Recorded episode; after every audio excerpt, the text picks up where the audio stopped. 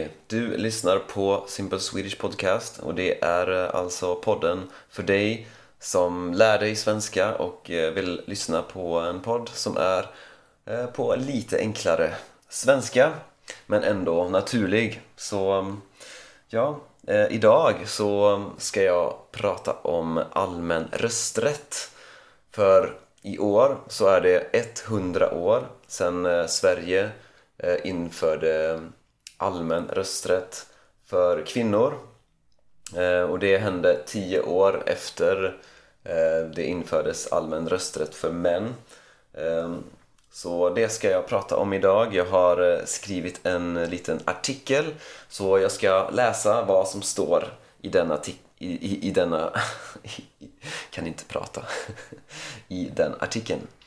Ehm, och som vanligt när jag läser en artikel så läser jag inte exakt exakt vad som står i artikeln utan jag försöker att eh, använda lite mer eh, naturligt talspråk när jag, när jag läser artikeln så att det blir lite lättare att förstå och lite naturligare svenska.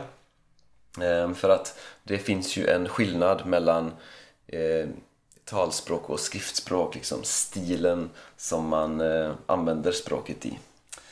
Och när man lyssnar så är det självklart mycket lättare att förstå eh, talspråksstil. Eh, men tyvärr så lär man sig aldrig det när man går i språkkurser. Så ja, jag vet inte varför men det är lite därför jag, jag gärna försöker eh, bara använda talspråk i den här podden. Ehm, först ska jag tacka ett, eh, tre stycken patrons och det är Flavio Alves, det är Andy och det är Ricardo Besegato. Och eh, jättestort tack till er för att ni vill stödja den här podden. Ehm, om någon annan vill stödja också och få tillgång till alla transkript och artiklar och sånt Eh, då kan du gå in på min hemsida swedishlinguist.com och eh, ja, bli Patreon. Ehm, och jag ska också förklara några ord som jag eh, använder i det här avsnittet. Och vi har till exempel att rösta i val. Och när man röstar i ett val, då betyder det att man är med och bestämmer till exempel vilket parti som ska vinna eller man kan också rösta på president. Så i Sverige så, så har vi ingen president. Så, men i, till exempel i Frankrike så röstar man på president. Um, så man röstar i ett val och valet det är liksom det man röstar i. Så att vi har till exempel riksdagsval i Sverige eh, och då röstar man på vilket parti man vill ska styra landet. Och så har vi ordet allmän. Och det betyder, om någonting är allmänt så betyder det att det gäller för alla människor. Alla människor allmänt. Så vi har ett allmänt val. Ja, det betyder att vad det alla får rösta i, i det valet. Och sen så har vi ordet grundlag. Och grundlagen det är alltså konstitutionen. Det är de lagarna som är grunden till staten liksom. Så att en grundlag. Och allmän rösträtt, det är det vi ska prata om. Så ja, då lyssnar vi på avsnittet. När fick Sverige allmän rösträtt? Allmän rösträtt, det betyder att alla människor har lika rätt att rösta i allmänna val. Och Det kan låta som en enkel fråga att eh, besvara men det beror faktiskt lite på exakt vad man menar med allmän rösträtt. Till exempel eh, år 1909 skrev till exempel tidningen Dagens Nyheter att Sverige har infört allmän rösträtt det året. Men det som egentligen hade hänt då det var att man inte längre behövde vara rik för att få rösta.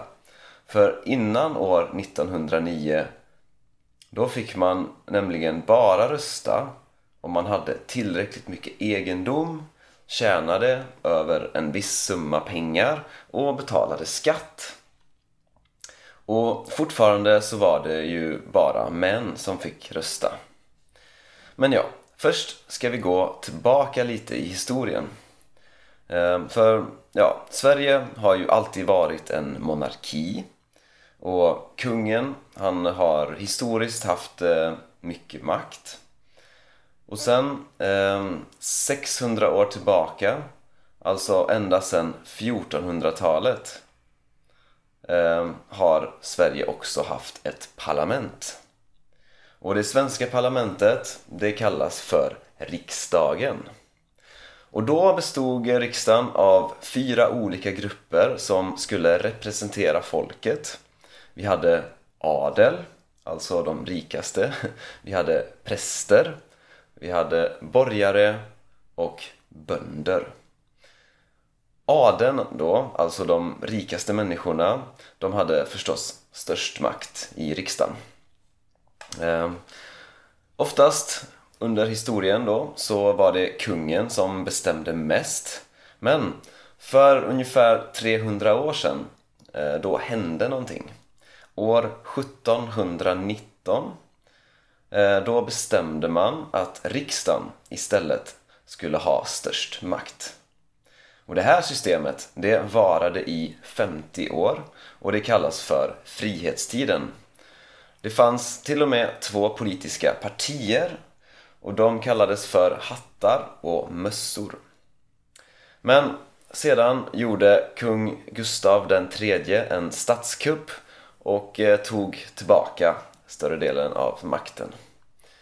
Eh, men ja, riksdagen fortsatte ändå att eh, ha relativt mycket inflytande och år 1809 fick Sverige en ny grundlag.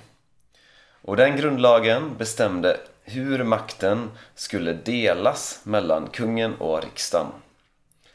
Olika myndigheter blev också mer självständiga och kungen fick återigen mindre makt. Och sen år 1865 då tog man bort den gamla grupperingen med adel, präster, borgare och bönder och riksdagen fick nu istället två kammare och ett mer modernt system som skulle bättre representera folket.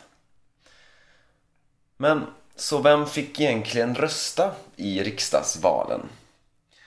Ehm, på den här tiden fick man bara rösta om man var relativt rik och det var dessutom bara män som fick rösta. Vissa kvinnor fick rösta i lokala val men bara om de inte var gifta och om de hade en egen inkomst som var tillräckligt stor. Eh, men ja, det var mycket debatt om lika rösträtt under andra halvan av 1800-talet. Eh, det första förslaget i riksdagen om lika politiska rättigheter för alla det kom 1884. Men det fick tyvärr inte tillräckligt mycket stöd. Sen år 1909 då införde man allmän rösträtt för män. Tre år senare kom ett eh, nytt förslag om rösträtt för kvinnor men det förslaget det fick inte heller tillräckligt mycket stöd. Det fick inte tillräckligt många röster i riksdagen. Eh, år 1919, alltså tio år senare, eh, då beslutade riksdagen till slut om allmän och lika rösträtt även för kvinnor. Det tog eh, dock två år eh, innan kvinnor faktiskt fick rösta.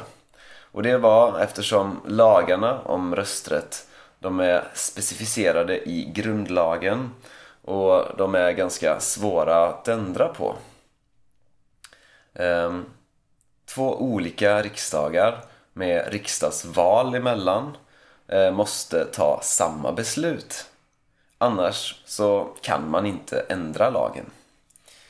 Ehm, år 1920 hade man eh, det sista riksdagsvalet där bara män fick rösta. För året efter, år 1921, då tog man samma beslut igen och med det här andra beslutet då kunde man ändra grundlagen. Och man bestämde alltså att kvinnor också skulle få rösta i allmänna val. Och senare samma år hade man det första riksdagsvalet där faktiskt alla människor fick rösta. Man kunde dessutom nu också rösta på kvinnor i riksdagen och fem kvinnor valdes in i riksdagen för första gången. Fortfarande var det ändå så att eh, inte riktigt alla fick rösta. Eh, åldersgränsen den var inte 18 år som idag utan den var faktiskt 23 år. Eh, och vissa människor som behövde vård och som inte hade några pengar de kunde ofta inte rösta. Och om man hade begått ett brott och hamnade i fängelse ja, då fick man inte heller rösta. Och så är det faktiskt fortfarande i många länder. Till exempel i USA, Australien och i flera EU-länder. Eh, och helt allmän och lika rösträtt för alla. Det har vi haft sedan 1989. För då kunde man inte längre omyndigförklara människor.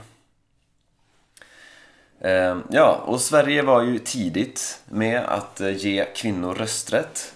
Men det allra första landet där kvinnor fick samma rösträtt som män, det var i Nya Zeeland år 1893. Ehm, däremot så kunde kvinnor inte sitta i parlamentet.